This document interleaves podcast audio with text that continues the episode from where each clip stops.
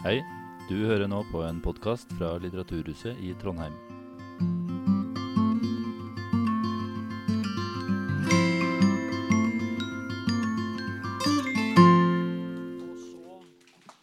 Ja da, det, det, det, blir mye, det blir mye å vite i, og de er hjertelig velkommen igjen. Det er derfor jeg tar det her, ikke sant, for å dra folk. Men altså, kvelden handler da med, med tittelen 'Mer enn menneske'. Det var noen som syntes det var litt uklart, og det kan være, men kanskje desto mer pirrende.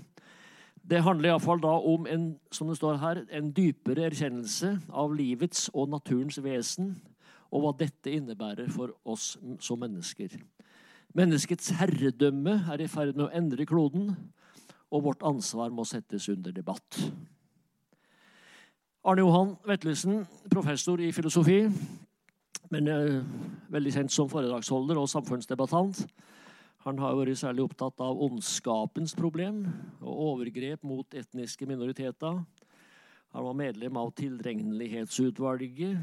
Har vært meget opptatt av miljøspørsmål og ikke minst klimaproblem og naturtap. Var med og etablert Concern Scientists i Norway. Og særlig kanskje etter hvert engasjert i unge menneskers livssituasjon og framtidsutsikter og, og, og, det. En masse bøker som vi nesten ikke tror, tar å si noe særlig om. Men iallfall så, så er du hjertelig velkommen. Nyfrisert, nybakket og veldig godt forberedt for i kveld. Skal da, han skal holde på i kanskje nå bortimot en time. og Så skal vi ikke ha pause, og så skal vi gå direkte over i en samtale. Og så skal vi slutte senest klokka ni. Også fordi at vi skal debrife etterpå. Og, vi, og så stenger det jo ti overalt nå. Er ikke det riktig? Ja. Så derfor så skal vi være litt strenge med dagsordenen. Vær så god, sett i gang. Ja, takk for uh, anledning til å komme igjen, får jeg jo si. Her, Sist jeg var her, var med Per-Bjørn, selvfølgelig. Det var 28. februar, og kanskje noen andre tilstedeværende var her også, med Dag Hessen og Thomas Hylland Eriksen, som jeg skjønner også skal komme igjen. Det kan jo være sine grunner til at folk kommer da igjen her. Uh, mer enn menneske, fikk jeg nå høre at det var. Ja, jeg skal snakke om eh, mennesket, men også mer i form av natur. Og det er på alle måter et uh, altfor stort tema. Jeg skal forsøke å sette det inn i en historisk kulturell, filosofisk sammenheng. Så det blir ganske lange linjer og overordnet. Og så får vi heller se hvor vi da er om en times tid. Og dere kan stille spørsmål og komme med kommentarer, og de kan jo da også gjerne være mer spesifikke. Jeg skal starte med et sitat av filosofen eh, Hans Jonas, som eh, ga ut en essaysamling i 1966 med tittelen 'The Phenomenon of Life', som fikk eh, liten eller ingen oppmerksomhet den gang. Der skriver Hans Jonas When man first began to interpret the nature of things, Life was to him everywhere, and being the same as being alive. Animism was the most widespread cosmology. Soul flooded the whole of existence and encountered itself in all things. That the whole world is alive is really the most natural view and largely supported by prima facie evidence. Sitat slutt. Ja, så Hans Jonas skriver altså om en naturopplevelse, et natursyn der mennesket møter, oppfatter liv i alt som eksisterer. Der det å være til for noe som helst er ensbetydende ved å være i live og manifestere liv. Og vi ser at han også bruker ordet 'soul', altså noe sjelelig, åndelig, gjør seg gjeldende gjennom alt eksisterende og møtes i alle ting. Når han da skriver der 'in all things', så har han ikke forbeholdt det for 'all things living', men 'all things' rett og slett i betydningen alt som eksisterer. Og så bruker han begrepet animisme om denne kosmologien, denne virkelighetsforståelsen. Hva er eh, animisme? Det har å gjøre med å oppfatte alt som eksisterer, som levende og som manifestasjon. Kanskje ikke alle som beskriver animisme, vil si av soul eller av noe åndelig, men av evne til å erfare at det er noe psykisk eller noe mentalt, en form for eh, inderlighet, evner til å relatere seg til eh, omverdenen, til å være et ståsted i verden, til å ha et perspektiv på verden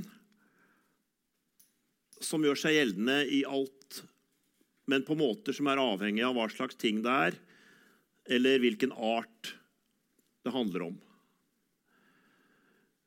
Ja, um, dette beskrives av Jonas som uh, det opprinnelige natursynet. Den opprinnelige virkelighetsforståelsen, rett og slett. Den vi kan spore lengst tilbake i menneskehetens historie som belagt av historikere og antropologer. Så sånn sett så I den grad vi har noe kunnskap om et sånt startsted for oss menneskehet her på jorden, så er det at vi har startet ut med denne virkelighetsforståelsen hvorved vi er en av mange arter som er levende, og som er et ståsted i verden, og som har disse evnene til å orientere seg henimot den omverdenen som jeg nevnte.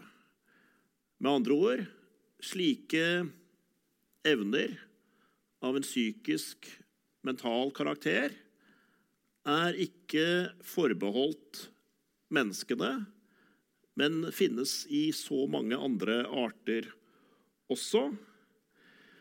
Animisme kan vi si er noe litt mer spesifikt enn eh, dette med at det er noe åndelig i alle ting. Så animisme, slik vi kjenner det i våre dager, særlig fra antropologer som har studert det som enda eksisterer av urfolk,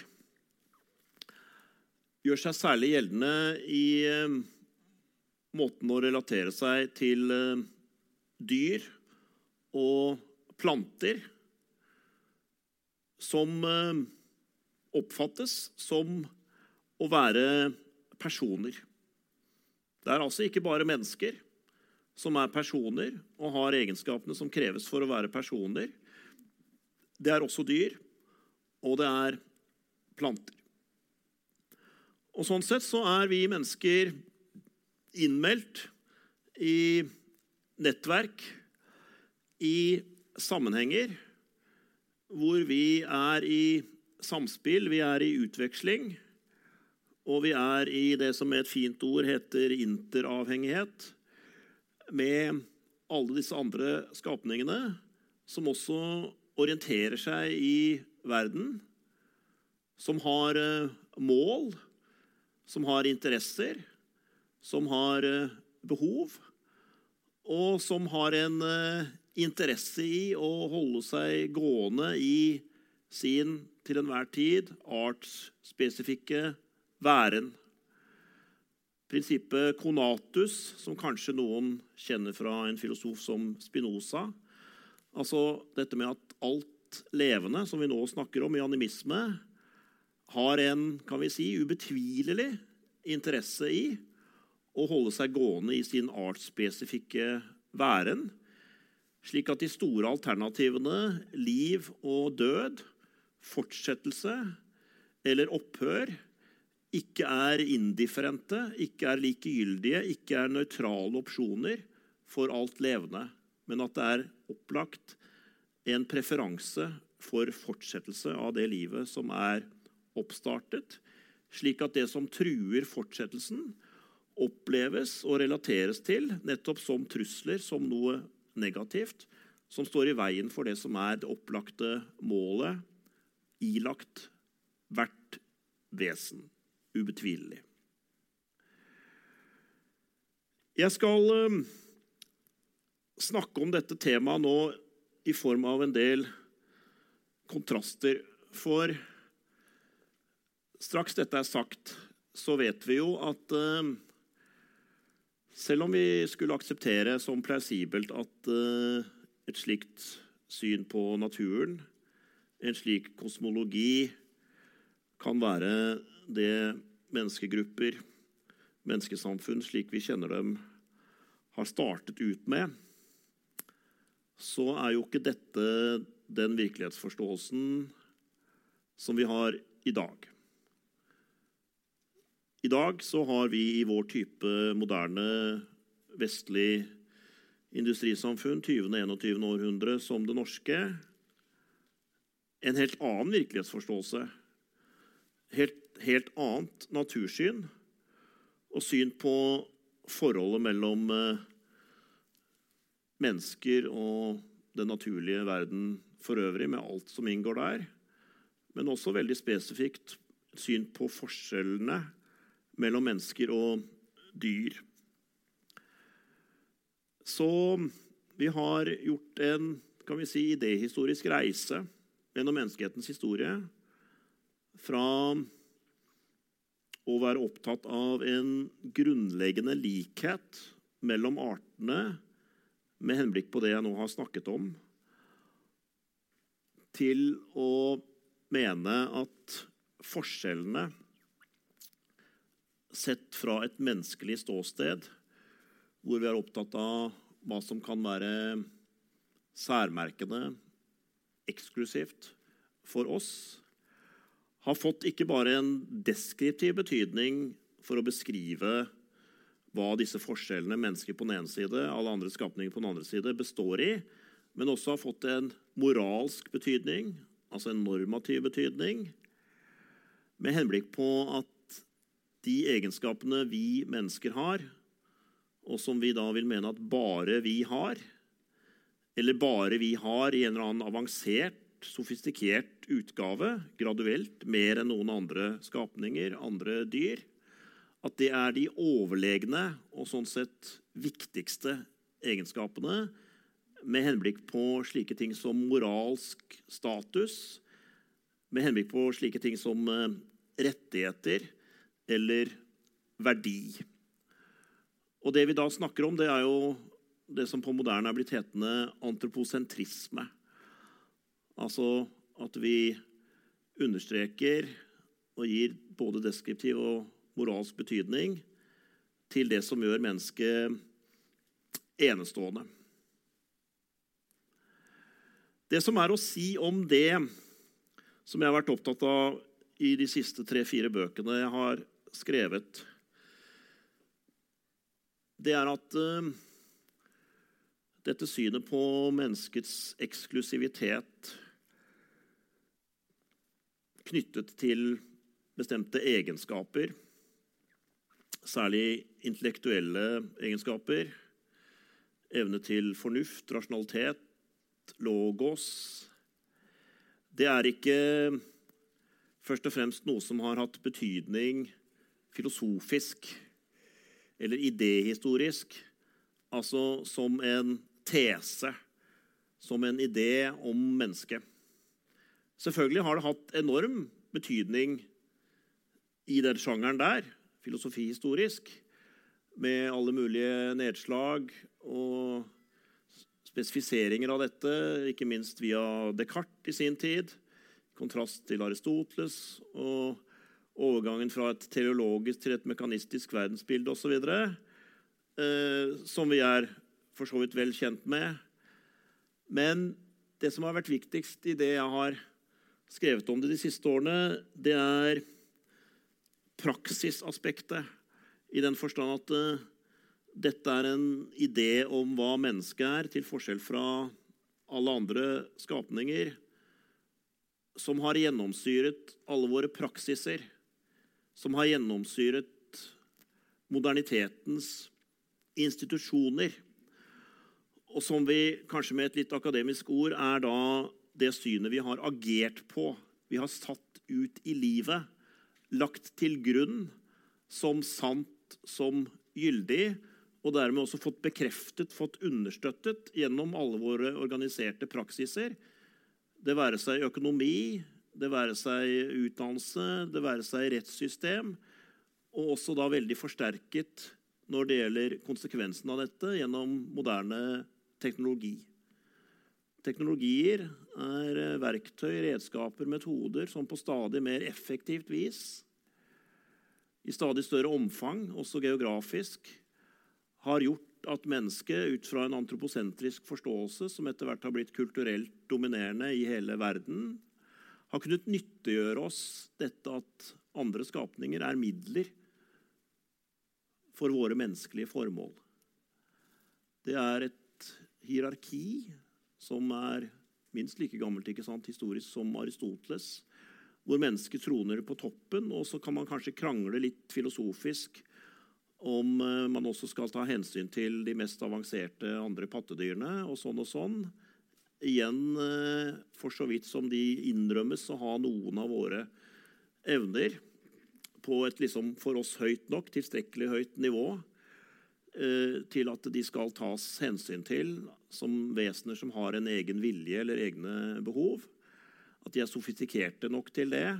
Men alle andre da som faller under, ikke sant? enten du da går ned til andre dyr, eller du går ned til plantene, eller hvor langt du går ned ikke sant? i det hierarkiet siden Aristoteles, så faller de da under den avgjørende grensen for å ha moralsk status. Så vi har satt synet på vår overlegenhet, vår eksklusivitet, forstått ut fra visse evner, ut i livet. Og kulturer som har hatt et annet natursyn, som har sett annerledes på dette, f.eks. mye nærmere animisme, de har blitt marginalisert. Det finnes enda noen grupper rundt omkring i verden som eh, praktiserer en slik kosmologi som eh, animisme, f.eks. i eh, Sør-Amerika, i regnskogen i Amazonas og andre områder. Men de gruppene som da utgjør en sånn kontrast til den ellers dominerende antroposentrismen, de har eh, stadig vanskeligere livsvilkår for å fortsette praksiser som er tuftet på f.eks. Eh, animisme. Eh, så de er marginalisert, og de er trengt opp i et hjørne med henblikk på å kunne være fremdeles aktuelle eksempler på en motposisjon, en kontrast, til den dominerende antroposentrismen. Og Sånn sett så tenker jeg vi kan si, som sagt veldig lange linjer her, at uh, utgangssituasjonen som Jonas beskrev i sitatet, nå er helt reversert. Nå er det posisjoner som eh, ser liv med psykiske, mentale evner som, kan vi si, intelligent responderer på annet liv. Eh, som eh, ikke bare er truet når det gjelder å bli tatt hensyn til, til forskjell fra å være rene midler som inngår i vår produksjon. Men de er også truet helt konkret. Det er rett og slett eh, stadig færre ville dyr igjen. Ikke sant? Vi snakker ikke om eh, husdyr. Vi snakker ikke om kjæledyr som har hele sin eksistens, som har hele sin livssyklus innenfor et regime designet av mennesker for menneskelige formål i fabrikkmålestokk. Jf. produksjonen av kyllinger i våre dager osv. Vi har sett de endeløse hallene. Eh, det som er igjen av, av ville dyr, og som er på en måte de ikoniske dyrene fra tidenes morgen, og enda da for det som eksisterer av urfolk som driver jakt, de er selv truet med å forsvinne. Det er i hvert fall eh, megatrenden. I antall, til forskjell fra arter, to forskjellige ting, i antall så er det en halvering av ville dyr i verden siden 1970-tallet. Det er veldig vanskelig å fatte. Akselerasjonen i eh, artstap, utryddelse av arter. Hvorfor jeg nevner dette nå i dette foredraget, det er at jeg har vært opptatt av nettopp eh, livsvilkårene til eh, kosmologier. da som er alternativer sånn eller sånn til den dominerende antroposentrismen, som jeg mener, veldig forsiktig sagt, det er gode grunner til å være kritisk til når gjelder konsekvensene den viser seg å ha som agert på, som praktisert. Og basert bl.a. på at jeg i sin tid studerte sosialantropologi i tillegg til filosofi og andre samfunnsfag, så har jeg ment at det vi har av kunnskap om fremdeles eksisterende, praktiserende kosmologier som er alternativer til eh, den fremherskende vestlige, f.eks. i form av urfolk i Sør-Amerika, er et veldig viktig materiale. Ja, nær sagt både intellektuelt, filosofisk, eh, og som noe som da er truet og i behov av å bli bevart og bli anerkjent i sin betydning. Og her ser jeg en veldig nær sammenheng mellom eh, kulturell diversitet, som det er det jeg nå snakker om, altså at det er så å si motkrefter til eh, monokultur at det blir the American way of life og understanding life eh, over alle kontinenter hele verden siden globaliseringens tid fra 80-tallet og fremover.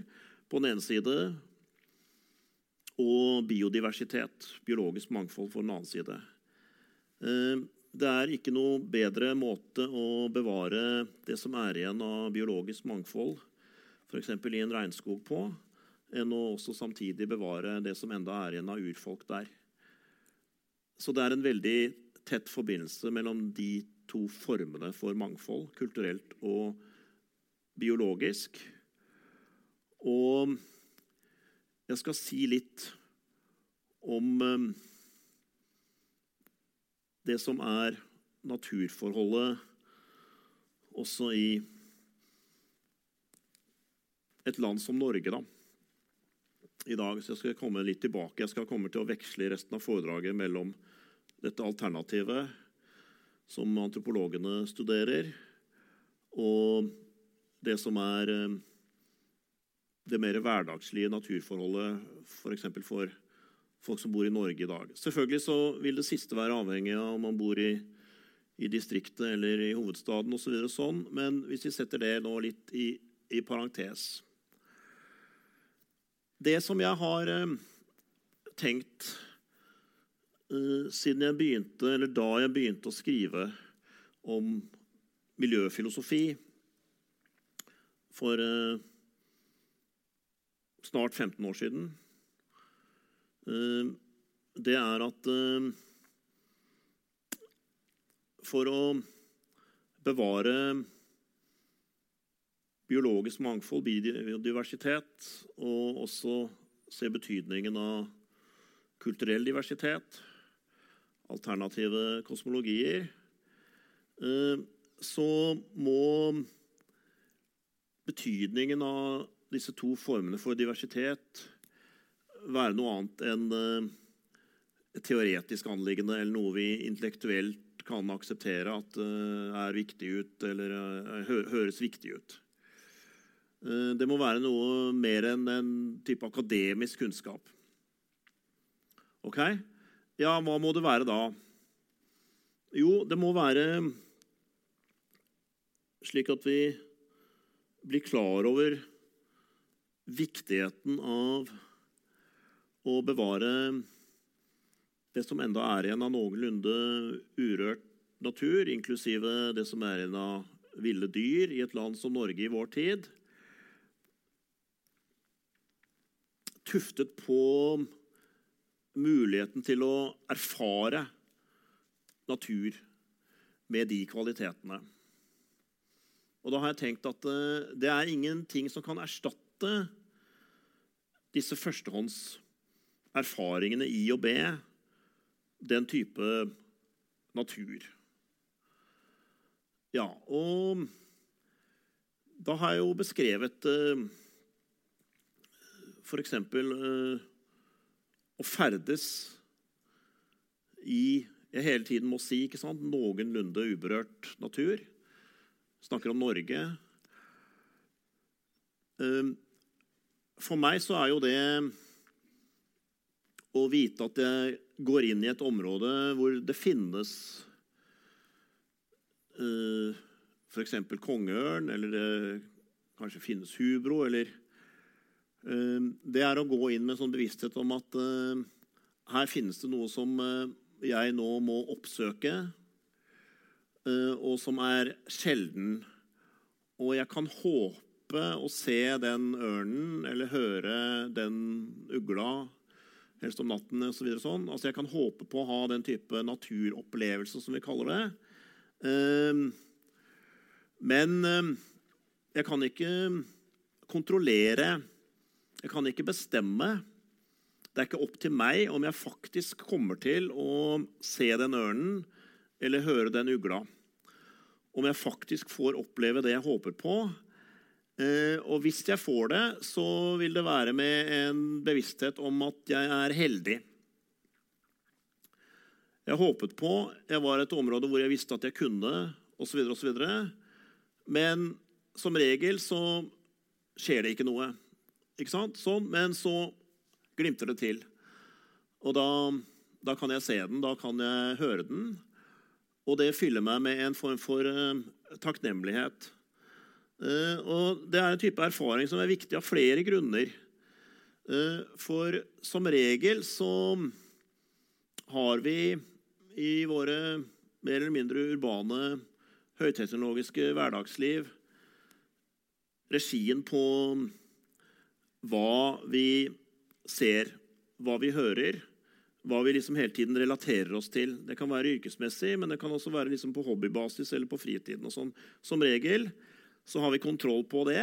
Eh, så det er ikke liksom opp til det andre elementet så å si, om det viser seg eller ei. Og at vi da er heldige fordi at det har denne sjeldenhetskarakteren, og det er unndratt min kontroll. Så er det også det å si at eh, når vi da tilbringer mesteparten av våre moderne tilværelser alle andre steder og med alle andre liksom gjøremål og prosjekter enn å høre eller se disse dyrene som jeg nå snakker om, så betyr det at vi forholder oss da mesteparten av våre liv til enten andre skapninger lik oss selv, tobente mennesker, eller artefakter. Eh, altså ting som er laget av mennesker for menneskelige formål. Og da kan du si at vi er innenfor kulturen, eller vi er innenfor det sosiale.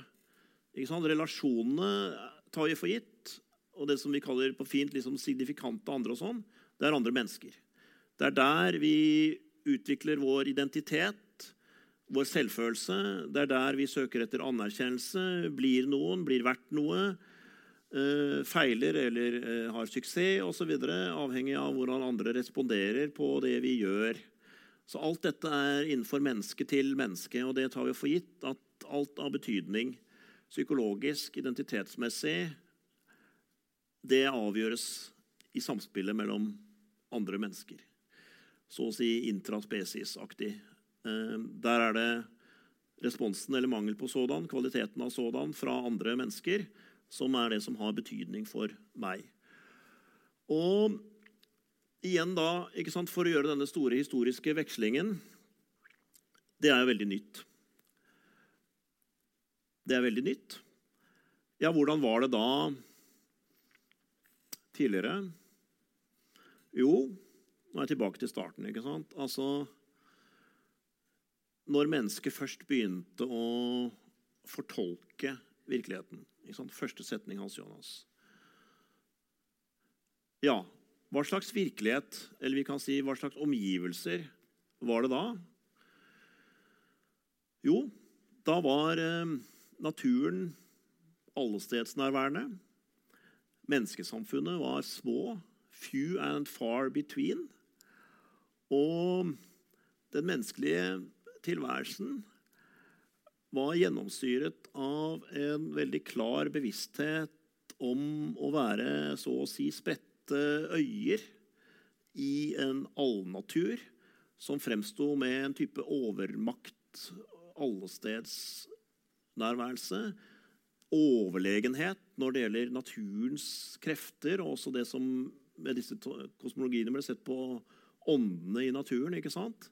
som innga menneskene en følelse av underlegenhet, avhengighet, prisgitthet til disse kreftene i naturen, der man nå en gang bodde og var henvist til å bodde, bo og bli værende uten noe særlig grad av modernitet. Også pga. det som vi vil kalle da primitivt teknologisk nivå. ikke sant? Så de fleste levde sine relativt komparativt sett korte liv på samme plassen. Og da var det den naturen som var påtruffet der, enten det var sjø eller hav eller fjell, eller hva det var, ikke sant? som var rammebetingelsene for hele eksistensen. Og så hadde eksistensen da, til tross for at jeg nå betoner ikke sant, det overveldende ved naturkreftene, som innga en følelse av underlegenhet og utsatthet hos menneskene, så hadde jo naturen i hvert fall årstidene. Altså Det var en type struktur, det var en type fluktuering, alternering, mellom årstidene, mellom det kalde og det varme, mellom lys og mørke osv., som hadde en forutsigbarhet, og som gjentok seg syklisk fra år til år, fra gang til gang som gjorde at man visste når man kunne håpe å få noe på jakt, når man kunne håpe å fiske, og når man kunne høste og dyrke, alt ettersom hvor langt frem vi skrider etter jordbruk. og hva det måtte være, ikke sant? Men det var en type forutsigbarhet. Men rammebetingelsene var at vi mennesker vi er utsatt her, og vi må ta hensyn til. Og det er ikke vi som bestemmer når vi kan gjøre hva.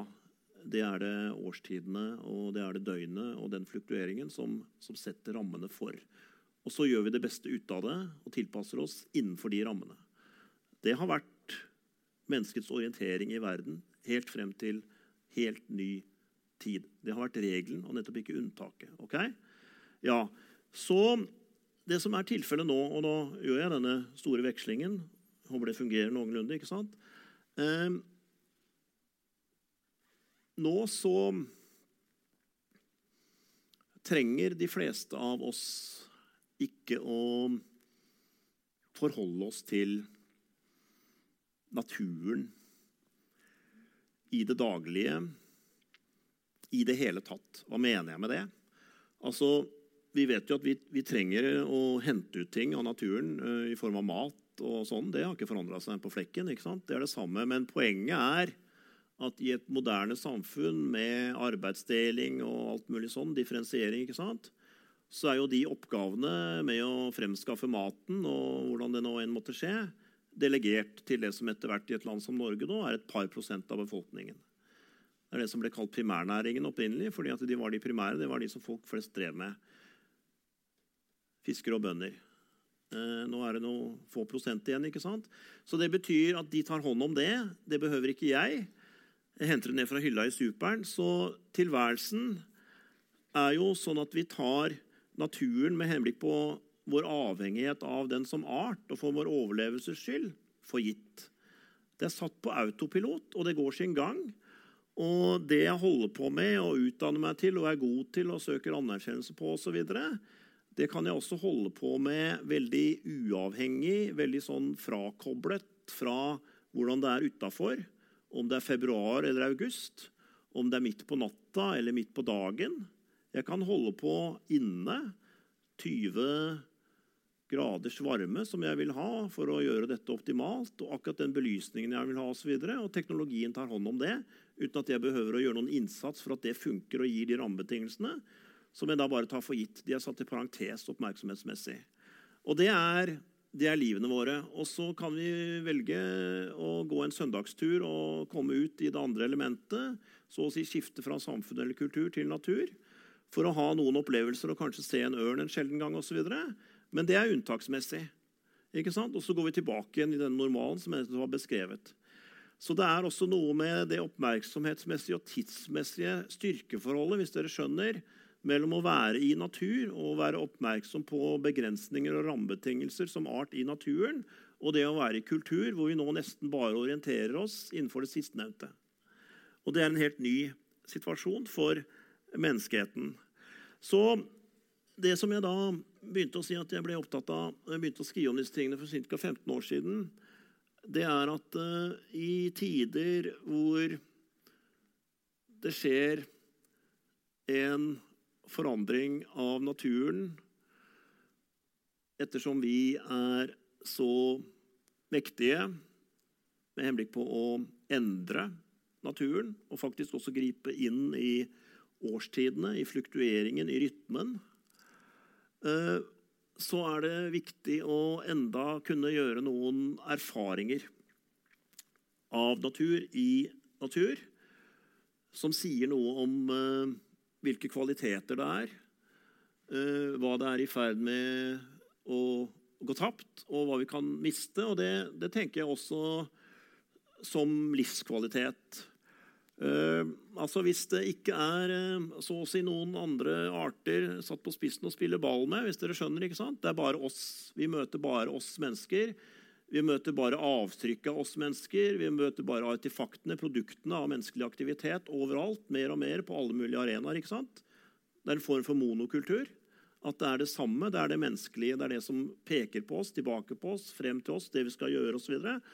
Alt er skapt av oss for våre formål. Eh, så er jo det en form for eh, forflatning. Det er en form for tap av mangfold i å kunne møte noe annet, noen andre enn oss, som har noen basale egenskaper, f.eks. evnen til selvbevegelse, eh, som de deler med oss, men, men, de flyr eller de svømmer eller osv. Så sånn, til forskjell fra oss. Eh, og dermed så får vi også færre arenaer hvor vi har sjanse til å møte noen andre som manifesterer det å være liv, som manifesterer evnen til selvbevegelse osv. på en annen måte enn oss. Og det gjør at vi blir fattigere.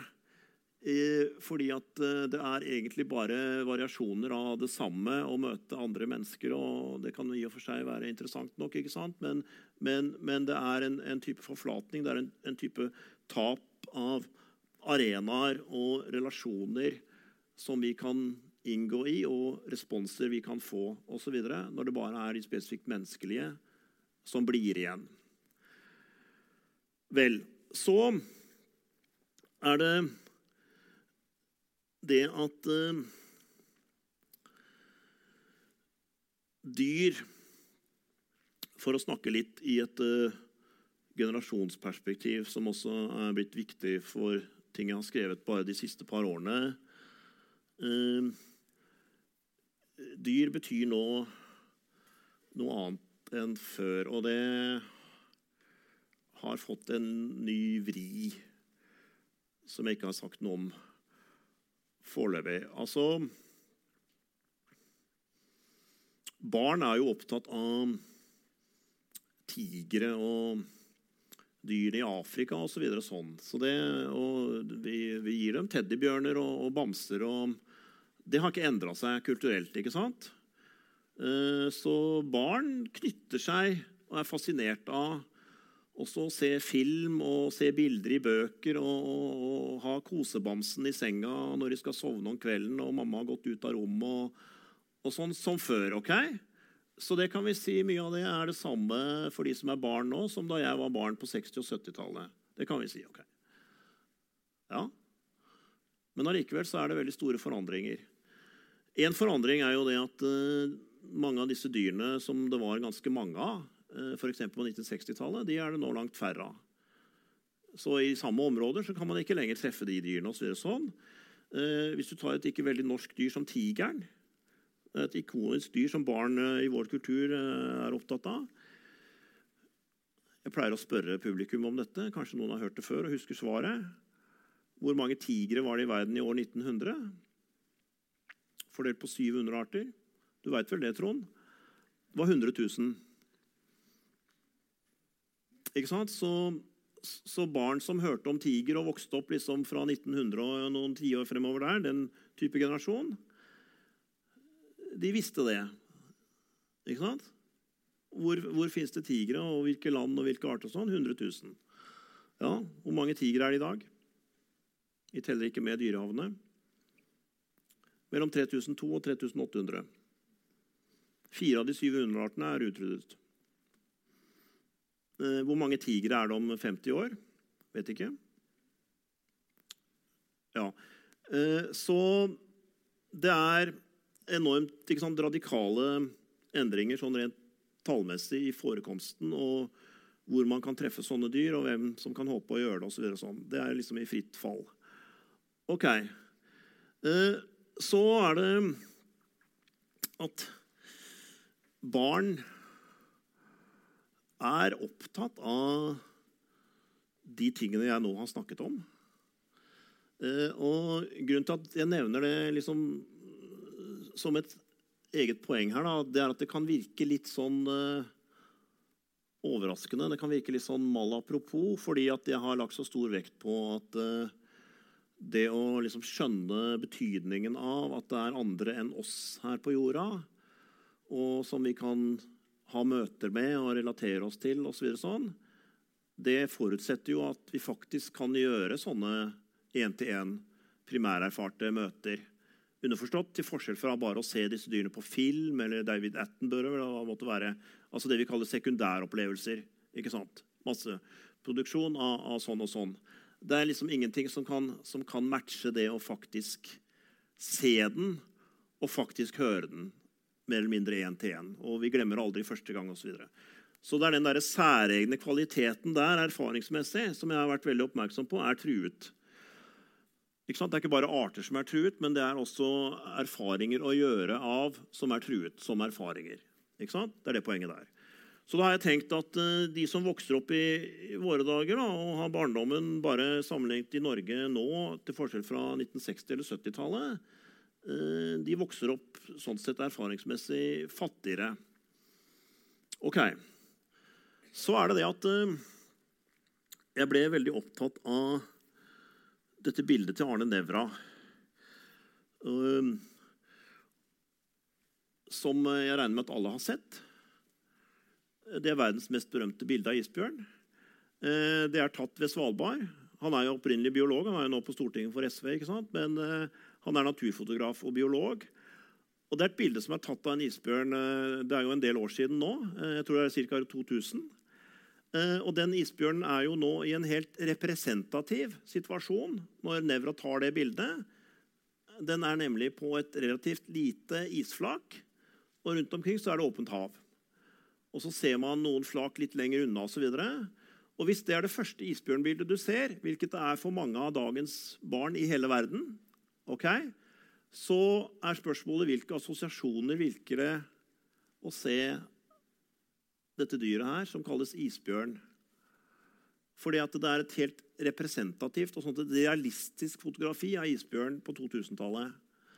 Og de assosiasjonene det vekker, de er helt annerledes enn de assosiasjonene som et bilde av en isbjørn eller en tiger vekket for meg da jeg så det første gang som barn på 1960-tallet. For da var assosiasjonsrekken dette er et ikonisk dyr. Det er en predator med et fint ord.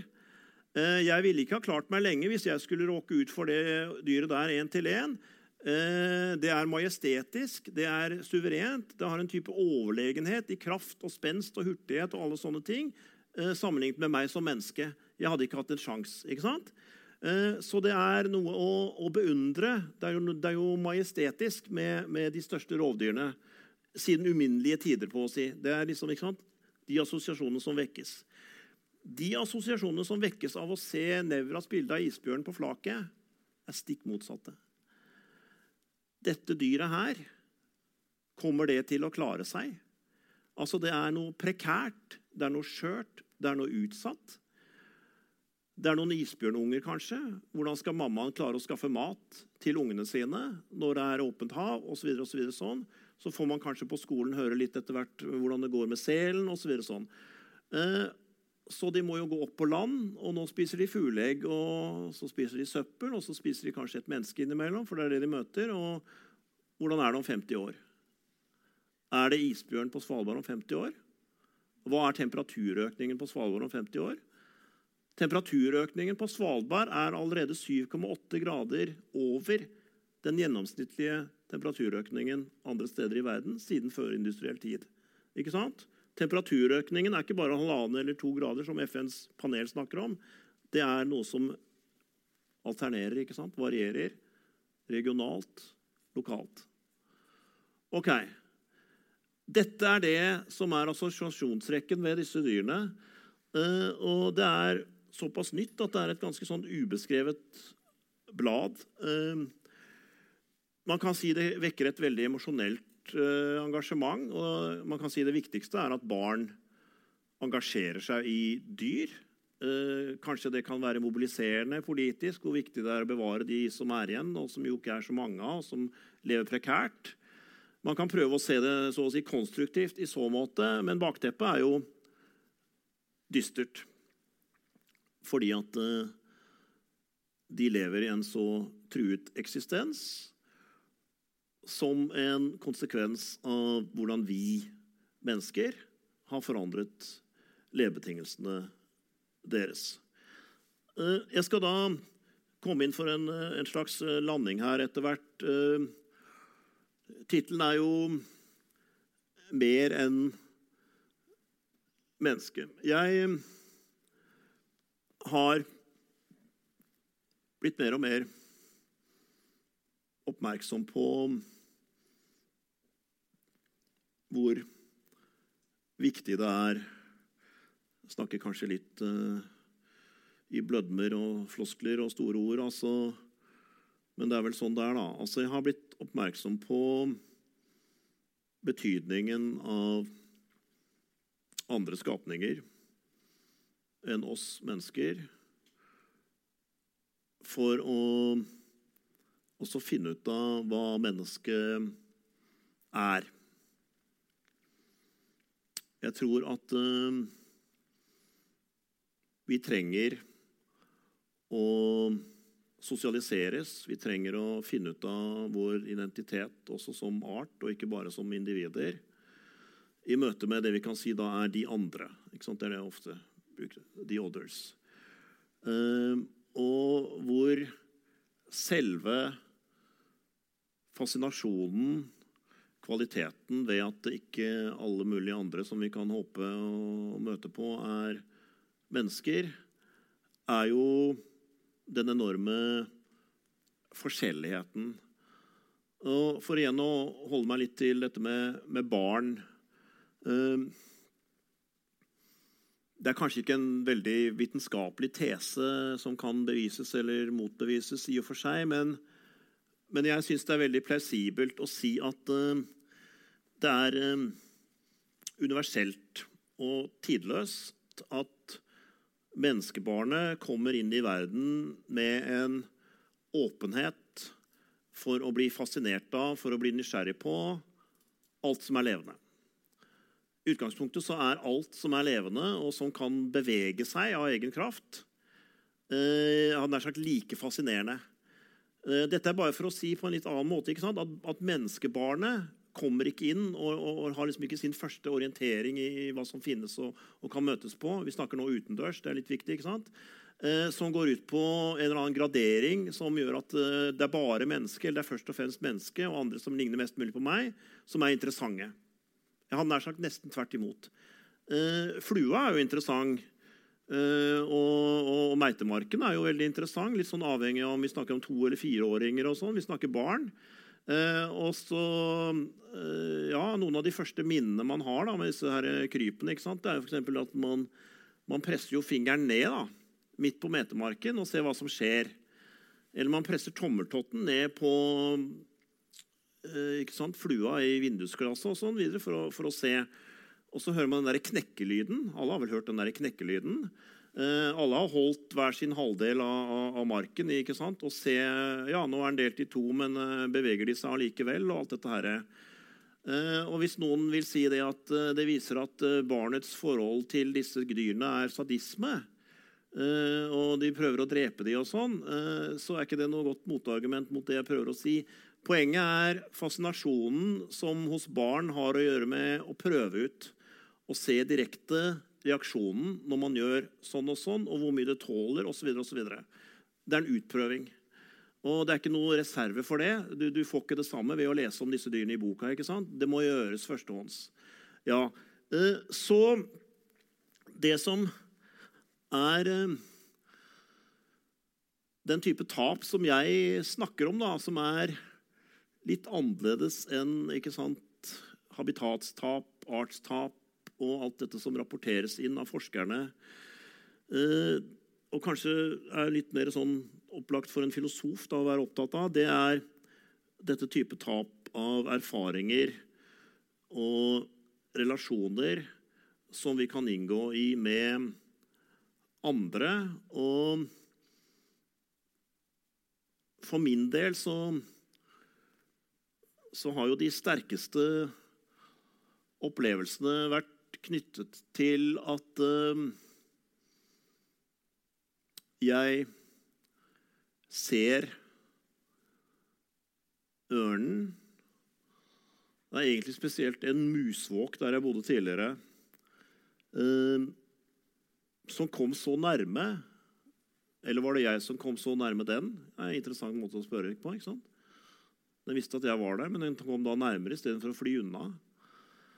Så du har denne blikkutvekslingen da, som noen av oss sant, har hatt med et rovdyr. Eh, og hvorfor har det en annen kvalitet? Hvorfor er det rett og slett sånn adrenalinkick å komme såpass nærme på blikkontakt, utveksling, med f.eks. En, en rovfugl?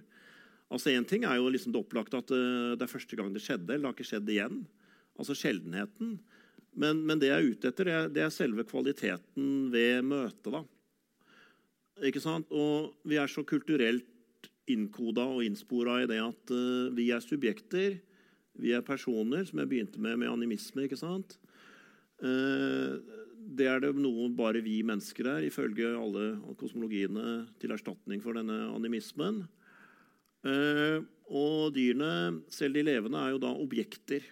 Og de er jo objekter i en sånn sann, realisert forstand, fordi at de er midler for oss, og det er noe vi gjør noe med, og vi dreper de. Og, så og vi har kontrollen. Og vi sånn sett da gjenstandsgjør dem, eller objektgjør dem. Og vi lar dem ikke komme til utfoldelse som noe annet enn objekter. La de være subjekter. Hvis du har det møtet som jeg nå beskriver, ikke sant, med et rovdyr, og til og med nærme nok til at uh, det dyret er nå det jeg har all min oppmerksomhet mot, og tilsvarende så er jeg den som det dyret nå har all sin oppmerksomhet rettet mot. Eh, jeg skal ikke si at da er det liksom full gjensidighet eller symmetri eller likeverd og balanse, og alt mulig sånt nå, men det er i hvert fall det samme på akkurat den måten jeg nå beskrev. Det er ubestridelig at jeg er fokus for den andre, den andre er fokus for meg. Og det er en type intelligens der, det er en type evne til å respondere på det jeg gjør, om jeg f.eks. blir stående stille eller beveger meg. Akkurat som tilsvarende, og spesielt hvis det er et rovdyr. Det er dyrets bevegelse, det er dyrets initiativ, det er dyrets respons som bestemmer om jeg for eksempel, da blir stående stille eller begynner å løpe. ikke sant? Så det er hele tiden en utveksling hvor den ene responderer på det den andre gjør, ut fra en type intelligens som jeg nå ikke kan nekte for, er til stede og utfolder seg i dette dyret. Så det er jo noe av dette vi er i ferd med å tape. Og det er et kjent motiv i moderne filosofi. Da. Det er krisemotiv i den forstand at først i det øyeblikk vi er i ferd med å miste noe, tape noe, at vi verdsetter dets betydning. Det er ikke helt likt Ibsen 'Evig eies kun det tapte', men det er litt sånn i samme sant, erkjennelses uh, At det har med et forløp å gjøre hvor noe som har vært på gang lenge Det at uh, det er ulike former for naturtap, har vært på gang sant, egentlig veldig lenge. Men det er bare at først så gikk det ganske langsomt, og først så var det bare noen steder. Så etter hvert, særlig i det som kalles the great acceleration etter annen verdenskrig, etter 1950-tallet, så har naturtap gjort seg gjeldende alle kontinenter, og alle kontinenter etter hvert i akselererende tempo. Og det er det som gjør at vi nå er der vi er, bare siden 1970-tallet, som nevnt. ikke sant? Eh, så det jeg tenker, er at vi, eh, vi er i ferd med å kanskje da også med barn og, og, litt sånn ulikt nedslag og sånn med generasjonene uh, verdsette, da. Uh, alt det ikke og annerledes enn menneskelige. Men i det historiske øyeblikket hvor uh, det er veldig prekært hvor mye av dette som kan fortsette å eksistere. Og at det er et veldig lite tidsvindu for uh, å snu og gjøre noe med disse tunge megatrendene som vi nå har snakket om. Og som gjør at uh, i hvert fall uh, en sånn fremtid å se for seg, scenario som, som virker ganske sannsynlig, er at mennesket blir ensomt, ikke bare i den metafysiske forstand som eksistensfilosofene hadde høykonjunktur på å snakke om på 40- og 50-tallet. Menneskets metafysiske ensomhet etter at Gud er død, med Nietzsche og alt mulig sånt, for de som er interessert i filosofi her. Men at menneskets ensomhet kanskje utover i det 21. århundre blir rett og slett en helt konkret fysisk ensomhet. Og det er genuint historisk nytt. Da avslutter jeg der.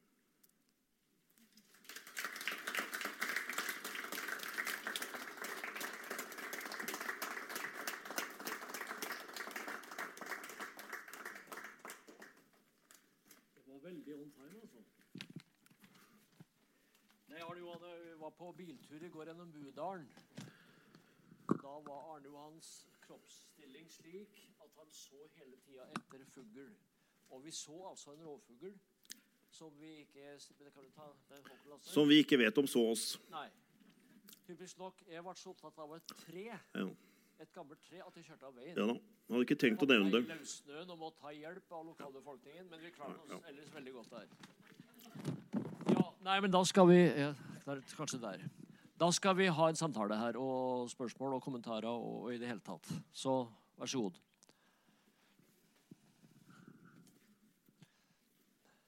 Ja. Ser du Der ser vi en. Ja, vær så god. Vi er, av, vi er, litt avhengig av at du snakker høyt og tydelig, fordi at vi kan ikke av smittevernhensyn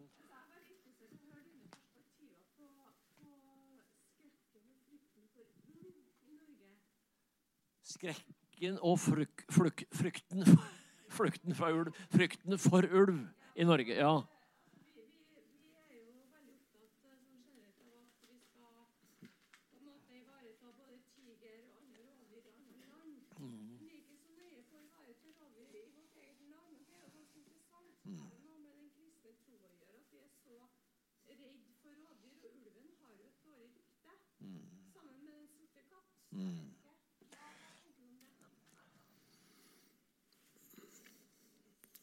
Ja.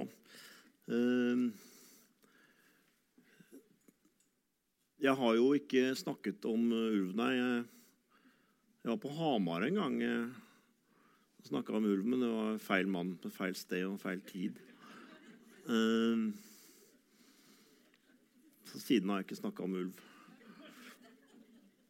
Nei, jeg skal ikke flåse bort det. Altså, jeg, jeg vet for så vidt ikke noe mer enn noen andre her, tror jeg, om eh, altså mytologiske forestillinger eh, i kristen tro og sånn eh, om, om, om ulv, da, som gjør at den har fått eh, et dårlig rykte, som du sier. Altså, jeg syns det er litt, litt vanskelig å forstå, kanskje, da, men, men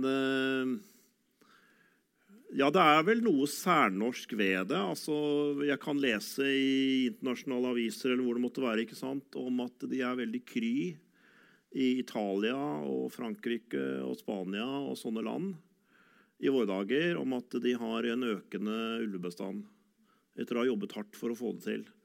Og de lager korridorer og ditt og datt ikke sant, i forbindelse med infrastruktur og sånn, for at det de nå har av ulv, skal klare seg, og at det forhåpentlig skal bli skal bli enda flere. Så da er ulven et veldig godt eksempel også på sånne prosjekter som nå kalles rewilding. Eh, I veldig mange europeiske land som vi ellers kunne sammenligne oss med, og som jo også har eh, kristentro og, og sånn, i likhet med Norge rent kulturelt. Eh, så det er jo bøndene, da, og det er jo eh, det ulven gjør med sauen og den interessekonflikten der, for å kalle det det, som nå også er blitt politisert og veldig satt på spissen i, i, i Norge. Eh, så Det er jo veldig delt, da. Altså, hvorfor er eh, Det ligger kanskje i spørsmålet ditt. Altså, hvorfor er debatten om uh, hva som skal skje med ulv i Norge, og om vi skal ha få eller, eller ingen, eller hvor mange vi overhodet skal ha. ikke sant? Hvorfor er den så veldig uforsonlig og veldig følelsesbasert og litt sånn enten-eller-aktig? Er liksom Ja. Uh, hvorfor det? Nei, jeg Jeg vet ikke om jeg har så veldig godt svar på det. Jeg, jeg, jeg tenker vel at i den grad det er Hva skal vi si overdrevet da, hvor farlig ulven er for mennesket, så kan vel frykten for å skulle møte ulven, og at den dermed skal angripe deg, kanskje få flere bein å stå på, jeg nær sagt hvor færre ulv vi møter, da, eller hvor færre mennesker er som faktisk har noen erfaringer med en ulv. Så for veldig mange så, så, er jo det noe veldig abstrakt. Men så kan man si det at de som er mest tilhengere av å ha mye ulv her i landet, eller ha i hvert fall så mange som vi nå engang har, det er de som aldri møter ulv. Ikke sant? Sånn at det er så å si omvendt. Det er, det er de som har ulven innpå seg og er redd for at ungene skal møte den på skolen, og det ble sett en ulv der, og er det trygt, osv. Så sånn. Det er de som nå altså vil ha færrest ulv. Det er de som omgås den. ikke sant? Så men det er jo heller ikke sånn at på noen som helst måte alle på bygda eller alle bønder eller alle som har noe som helst, også de som driver med sau og sånn, vil at det ikke skal være flere ulv, eller at det skal være veldig få ulv. Det er jo også en delt opinion der. Så det er jo også sammensatt, da. Men det, det er jo litt rart at, at ulven vekker til de grader temperatur, da. Men det er kanskje fordi at uh, det er ikke så mye snakk om, om bjørn eller jerv eller gaupe eller At ulven har en særstilling fordi at den kan ta sau, og det er en del, de, det er en del som lever av å ha sau her. Og så Ja, så den er jo den er stigmatisert. Da, den, den, er en symbolbærer også, ikke sant? Positivt eller negativt. En symbolbærer. Jeg vet ikke om det var noe veldig godt svar, men ja. Og så veves det kanskje inn i sånn, den store konflikten byland mellom elite og folk flest, og mellom byråkrati og osv. Det, det er mange politiske dimensjoner i det. Vi var jo i går, da, i tillegg til at vi var på, i Budalen, så var vi på våres jul med Hans Rotmo på Støren, sånn at vi fikk en liten sånn touch av kontakten med på en måte bygd, bygda og bygdefolk og deres interesser. og Det var veldig interessant. Det var eh, Anne først, og så kommer du etterpå. Vær så god.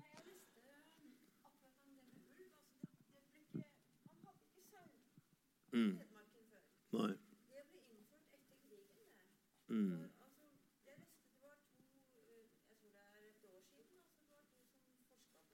Mm.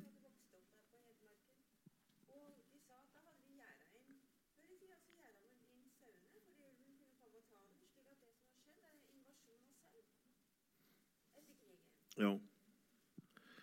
Hvilket dyr skal ha bevisbyrden for å få lov å fortsette å eksistere? Er det ulven eller sauen, liksom? Og jeg har en oldefar som delt nista si med bjørnen. Vær så god. Ja.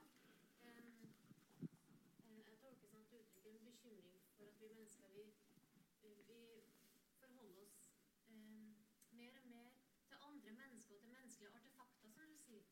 Og, eh, og ikke så mye til andre arter. Men hvis du går i hvilken som helst park i London, så vil du se mye hunder. Og da lurer jeg på eh, er det, Trekker du en forskjell mellom domestiserte dyr og ville dyr? Ja. Mm. Kan du si litt om det? Ja. Det er jo i hvert fall tre kategorier her, da, som altså Kjæledyr eh, Ikke sant? Domestiserte, hvorunder hunden. Og så har du da ikke sant, kveg, livestock. Og det som også er veldig fabrikkmessig produksjon. Sånn som jeg nevnte med kylling. Og det som også legger beslag på veldig mye areal, f.eks. nå i regnskogen i Amazonas. ikke sant? Til kjøttproduksjon. Og så har vi ville dyr. Så det er, det er liksom de tre. Ok? Uh, ja, det er eh, Det er veldig mange hunder, og det er jo enormt mye katter. og Jeg vet ikke om det er veldig mye flere katter enn før, og sånn, men eh, for når det gjelder hvorfor det er færre fugler, da, så har jo det veldig mye med at det er så mye katter å gjøre. Eh, så jo, eh, mennesket vil omgås dyr. Og det er veldig viktig, også apropos barn, ikke sant? at man har katt eller man har hund. Og jeg har selv hatt hund under oppveksten med veldig sorg når hunden døde. og alt dette her, Den type relasjon. Så jeg vet ikke, altså er spørsmålet liksom, Hva er forskjellen mellom den type relasjoner, da, som det jo ikke er noen mangel på i vår kultur i dag, og relasjoner til ville dyr på den annen side? Er det liksom den forskjellen? Ja. Jo, det er jo det, er jo det som jeg forsøkte å bruke eksempelet med først ørnen og deretter musvåken til. At når jeg går i et område og håper å se eller høre noe annet enn eh, kjæledyr, domestiserte dyr, ville dyr, så er det en slags grenseerfaring fordi at det er bare noe jeg kan håpe på å være så heldig å se. Så det er utenfor min rekkevidde, det er utenfor min kontroll. Det er ikke noe jeg iscenesetter, regisserer. Og hvis jeg da er så heldig at den fuglen kommer flyvende og til og med nærmer seg, eh, så er jeg på en måte at the receiving end. Altså jeg er en sånn mottaker. Jeg, jeg er eh, prisgitt eh, hvor langt den fuglen eh, Eller hvor nærme den vil komme. Eh, hvor godt jeg får sett den, om jeg til og med får eh, blikkontakt, som jeg fikk med musvåken, eller med en hegre. Ikke sant, sånn. Så, så liksom hva det blir for slags erfaring, er ikke opp til meg, men er opp til det dyret. Og Det kaller jeg nå en type grenseerfaring, fordi at det står i så opplagt kontrast. Selvfølgelig så kan man jo liksom respondere på dette med å si at uh, eh, bare fordi om jeg møter uh, liksom en artsfrende, et menneske, så er det jo ikke dermed sagt at jeg da, som jeg nå brukte de ordene med, iscenesetter og kontrollerer akkurat hva relasjonen er. og hva som, For det er jo ikke sant, den andre som, som blir værende eller blir sint, eller altså, som har en type uavhengighet, suverenitet, som person, ikke sant, med henblikk på hva, hva det kommer ut av det. Så, så det. Og det veksler liksom makten i det og alt mulig sånt noe. Eh, så det har uforutsigbarhet og er ukontrollerbart eh, til en viss grad. Og så, sånt noe. Så, så, noen av de beskrivelsene kan vi si også gjelder menneske til menneske, og ikke bare menneske til ville dyr. Men det er noe med kvaliteten på det, i hvilken grad det gjelder. Eh, og, og altså møtet med et rovdyrs suverenitet, da, altså de egenskapene jeg brukte først ikke sant, om tigeren i 1900. Da. Det majestetiske. Eh, det at eh, den gjør som den vil. Den, den, kan fly på meg og drepe meg, i, i verste fall, liksom, hvis det er det den vil, uten at jeg kan hindre det. Eller det, det, eller det kan komme noe helt annet ut av det. Og, og, og det er det at, eh, at, det i så stor grad ligger liksom på den annen levende part, som har en enorm fascinasjon, da, og sikkert har hatt det i uminnelige tider. Bare nå med den historiske forskjell at, eh, at det er denne sjeldenheten ved det for oss mennesker de fleste steder i verden. Det er det nye. Da har vi tre Ja, vi sier fire, men da har vi også bare fire igjen, tror jeg faktisk. Det, der, ja, vi, vi får, hvis, de, hvis de fatter seg i korthet, og hvis han fatter seg i korthet, så skal vi klare det. Begge deler er noen premisser her. Det er der først. Og så kommer du.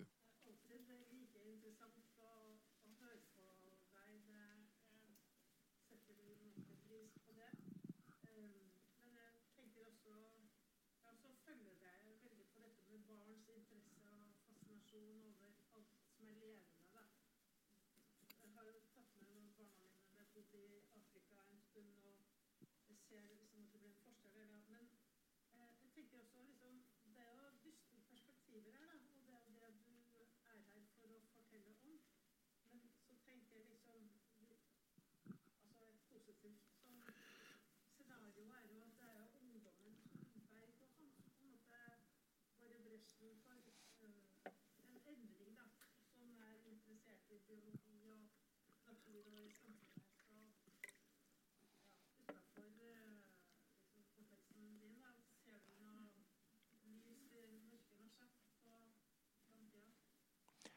Kanskje jeg skal samle opp litt nå istedenfor å svare Kanskje det var en idé.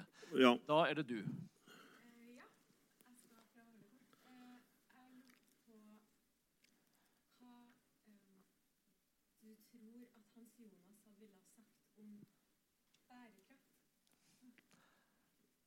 Der fikk vi Hans Jonas.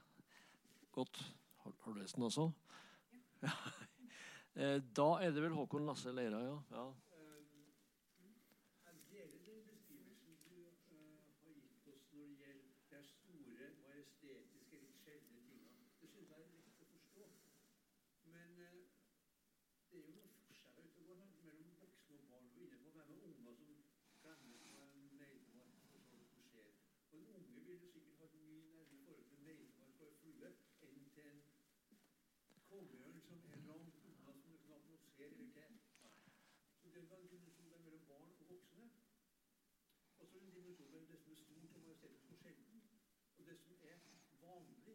Mm. Mm.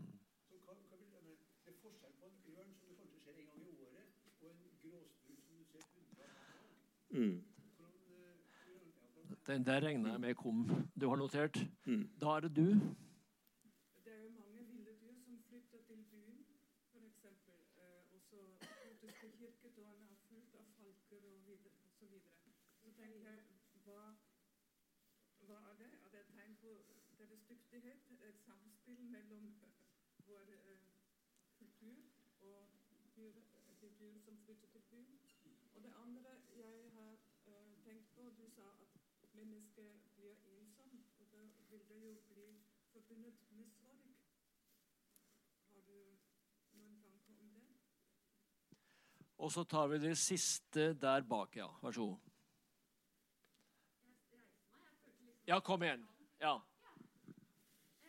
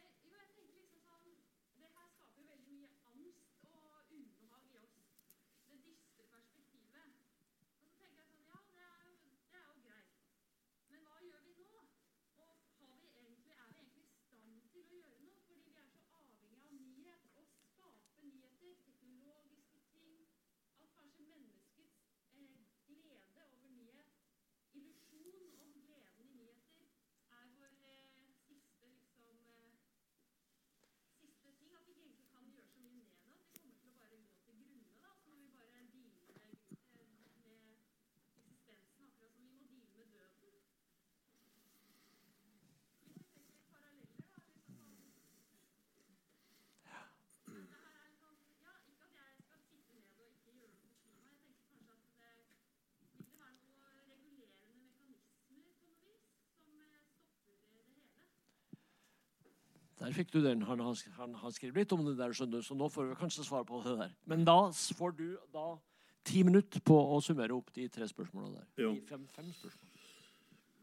Det var først uh, Hans Jonas, hva han ville sagt om bærekraft. Ja. Uh, altså Hvis du tenker på det begrepet om bærekraft som vi bruker da, og det er jo et nytt begrep, ikke sant? så det kom jo inn i Brundtland-kommisjonen. Har gjort karriere etter det, altså siden 1987. Bærekraftig utvikling. Eh, Så det er ikke noe Jonas da rakk å å skrive om. Eh, så jeg vet ikke helt hva du sikter til. Altså, jeg, jeg, altså I den grad eh, bærekraft har gjort politisk karriere eh, og er på alles lepper, eh, og alle er tilhengere av bærekraft i våre dager Skulle bare mangle. Og hva betyr det? ikke sant? Betyr det noe som helst? Eh, jeg har jo vært kritisk til det for min del, da, men du spurte om Jonas, men da, da vet jeg ikke. ikke? Altså, jeg, jeg, jeg tenker at kanskje han også ville vært kritisk til det eh, fordi at eh, Helt fra starten av med Brundtland-kommisjonen i 1987 så har det vært knyttet til en utviklingsmodell, en samfunnsmodell, som er jo den vi da har, og hadde også i 1987 og at den da kan fortsette At det kan fortsette med økonomisk vekst, velstandsutvikling basert på økonomisk vekst. Eh, Vi trenger ikke bryte med det paradigmet der, som det heter på fint. Eh, Og vi kan eh, ivareta behovene for å høste av naturen og biomangfold osv. til også fremtidige generasjoner, samtidig som vi fortsetter å praktisere den samfunnsutviklingen basert på økonomisk vekst som vi har. Og det som muliggjør at dette er forenlig, da, det er jo da ny teknologi, som er optimismen hos Brundtland, og som er adoptert og videreført. ikke sant? politisk uh, i de årene som har gått etter, etter det, men som vel nå viser seg er en form for uh, illusjon, eller, eller kunne kanskje si liksom, til og med sånn livsløgn. Altså at vi har trodd at vi, vi trenger ikke foreta grunnleggende endringer f.eks. av vårt økonomiske system i en periode hvor det kapitalistiske systemet har blitt det globaliserte systemet siden 80-tallet. Vi, vi, vi trenger ikke gjøre noe med, med det for å sikre en bærekraftig fremtid i sånn økologisk forstand. Og vi, vi har da praktisert sant, den utviklingsoptimismen der. At disse tingene er, er forenlige. Og tallenes tale tenker jeg er veldig klar. Altså omtrent Uansett liksom hvilket parameter og faktor du, du velger som var inne i bildet i Our Common Future fra 1987, eh, så er det en dramatisk forverring etter det. Eh, det, er, eh, det er ett eller to lyspunkter som gjerne fremheves. Eh, det er mindre luftforurensning i Sentral-Europa etter 1987 enn det det var eh, forut. Og det er fordi at det var, eh, ble nedlagt en masse tungindustri i forbindelse med murens fall, som alle vet. Ikke sant? Så det er, det er noen sånne områder som har fått litt bedre luftkvalitet, litt bedre, litt renere vann osv. Så sånn. Men, men eh, all, alle de tunge variablene, temperaturøkning, habitatstap, artsutryddelse osv., har sett en dramatisk forverring. Og jeg, jeg tenker at det har å gjøre med at, at dette begrepet om bærekraft det har vært forfeilet og urealistisk helt fra starten av. Eh, Så eh, er det da Håkon Lasse Og det er jo riktig at det er jo forskjell på, på ørn og gråspurv. Og det er forskjell på hva barn blir opptatt av de kan møte på i naturen, og hva voksne er opptatt av. Eh, Og Det henger kanskje litt sammen med det neste spørsmålet. Altså Nå, nå er det dyr, og f.eks. det er falk i kirketårnet. eh, Og man kan se det som tidligere var dyr som bare fantes eh, sant, ute i marka. De kan man nå se og høre i byen. Og det er jo en trend. Jeg bor i Horten, og bare i løpet av de åtte årene vi har bodd der, så er det blitt mye mer hyppig at det er eh, store måker i haven. Eh, og vi vet jo noe av grunnen til det. Eh, det er at de ikke klarer å finne det de skal av fisk og, sånn i Oslofjorden. Ikke sant? Og det er grevling som roter i søpla. Og, ikke sant? Så de, de, det har jo også å gjøre med våtmarkedene, har å gjøre med pandemien. ikke sant? At, at, at, at møtene også mellom det som har vært ville dyr og arter, eh, og mennesker, etter hvert som menneskene trer inn i disse nye områdene, og sånn, og dyrene vet ikke hvor de skal gjøre av seg, og de må ofte søke til der det er mennesker, bare for å finne mat osv. Så, videre. Eh, så eh, Ja, altså i forhold til det som jeg har snakket om, da, som var noe litt annet enn akkurat det som ble nevnt nå, liksom kvaliteten ved å, å gjøre erfaringer eh, Er det noe annerledes å se falken eh, sitte på hustaket enn, enn å møte falken ikke sant, eh, ute i marka? Det er det samme dyret, det er den samme arten. Ja, jeg vil si at det syns det er veldig forskjellig. og og for å foregripe noen, altså Det siste spørsmålet hadde jo med sorg å gjøre. ikke sant? Altså, det har jo å gjøre med, med kunnskap. Da, og da blir det jo gjerne også litt forskjeller mellom, mellom barn og voksne. selvfølgelig, Hvilke kunnskaper man har. Altså, Det at så mange måker nå er i haven og kommer stadig tettere innpå hus og, og, og sånn eh, enn bare for åtte år siden Eh, det som jeg vet av, av grunnene av årsakene til det, jeg syns jeg, jeg, jeg synes at det er trist. Altså, skal man ødelegge det for barna? Da? Kanskje barna er fascinert av at de kan se fugler i haven som de ikke så der før. Men, men det, er, det, er, komplisert, da. For det, det, er liksom ikke noe sånn uskyldig eller nøytralt. Altså det, det, har noen grunner at en del dyr nå er å se eh, veldig sånn menneskenært, hvor de ikke var å se før. Og de grunnene har å gjøre med at de mister enten habitatene sine, som de hadde inntil nylig, eller, eller, de mister tilgangen til mat i de områdene. Og Derfor rykker de nærmere oss, og det vil jeg si er, eh, er en, en, en, eh, en, blandet fornøyelse å, å, å, se de der. Eh, for det, det, peker på en prekær utvikling. Og, og, og, det reiser spørsmål med hvordan skal de klare seg om 30 år eller 50 år osv. Okay, så, så, men jeg, jeg, tror vel det, Håkon Lasse, at Altså det å vite om de endringene jeg har snakket om, da, som jo er hva skal vi si, ikke sant? Negative, de er dystre, de handler om tap, reduksjon Det kan jo også gjøre at, eh, at man setter pris på jeg hadde nær sagt gråspurven, eller ikke sant? Altså dompapen, eller også hva skal vi si, de ikke-ikoniske, ikke sjeldne artene. Uh, muligens på en annen måte, fordi vi, vi, vi setter pris på det som uh, liksom nå en gang er av natur, da, eller en gang er av møter med fugler. Og, og, Da kan man til og med sette større pris på å møte fugler som inntil nylig var bare vanlige eller trivielle, også vel vitende om at de er blitt også de mer sjeldne. og sånn. Eh, men, men, det som skurrer, da, det var det jeg mente med måken. altså hvis, hvis, det kommer nye arter steder ikke var, så, så, blir det litt feil, sånn som jeg sa. Så da skurrer det litt også. Så det, det kan være sammensatt. Uh, ja, hvor er vi Vi snart i mål. Nei, det tror jeg slett ikke. Uh, det er vi i hvert fall ikke. Uh, altså dette med, med, med ensomhet, ja. jeg har jo skrevet en del om økosorg de siste par årene.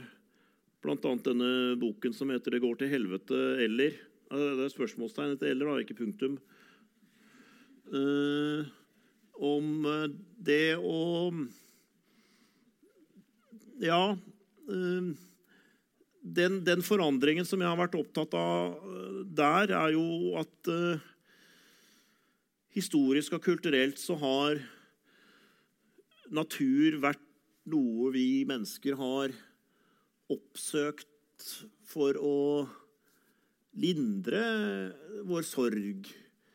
Eller for å, å, å søke tilbake til liksom, tapt vitalitet. Vi får energi eh, av å oppsøke naturen kanskje når vi ellers er tappet for energi. Vi kan være slitne eller ulykkelige eller deprimerte, og vi kan i hvert fall håpe at vi liksom finner igjen noe av gnisten og også finner en type trøst, og vi finner en type ro og, og liksom stabilitet og permanens osv.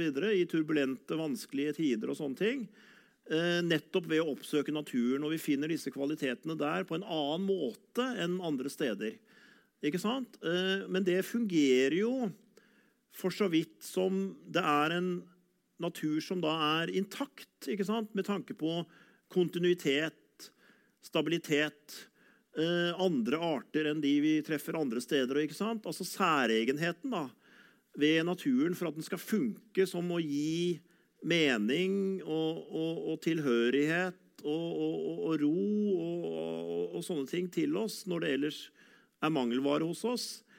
Eh, så når naturen nå forringes, og det blir færre møter med disse dyrene og, og sånn og sånn som jeg har beskrevet, så skjer jo den forandringen at det da er naturen og det som skjer med naturen, som vi sørger over, som utløser smerte. Til forskjell fra at når vi sørget av en eller annen grunn, så oppsøkte vi naturen for å få lindring.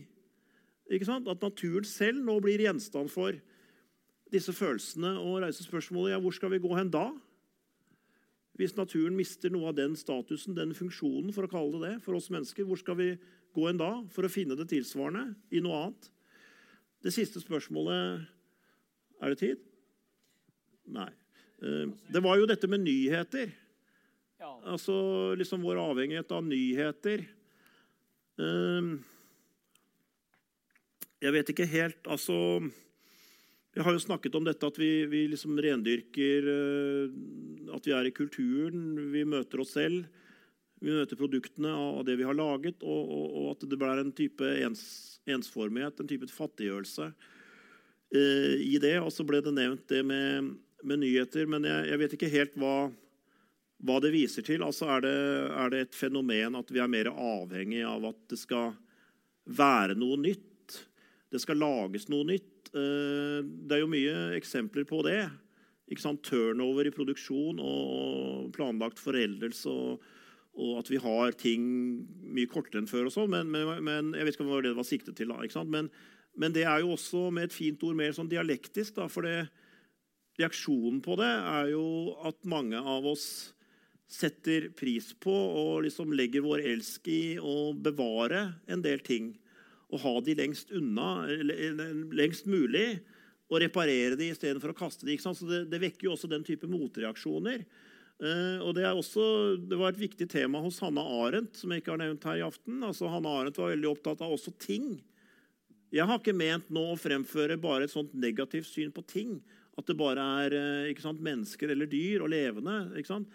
Også tingverdenen, nettopp fordi at den har en type kontinuitet og redskapene, møblene.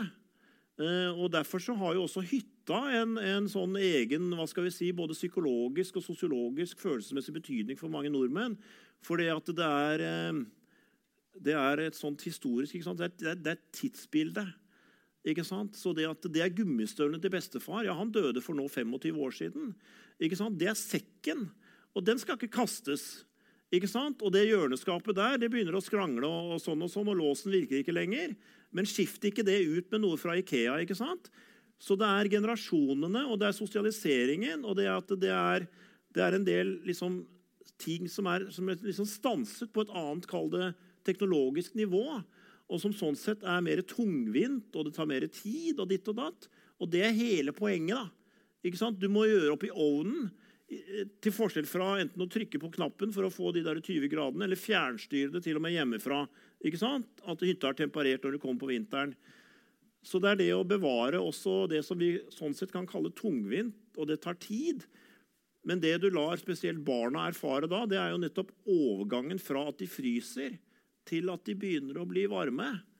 Og at det er en overgang i tid fra en tilstand til en annen som krever innsats og ferdigheter. Det er hele poenget.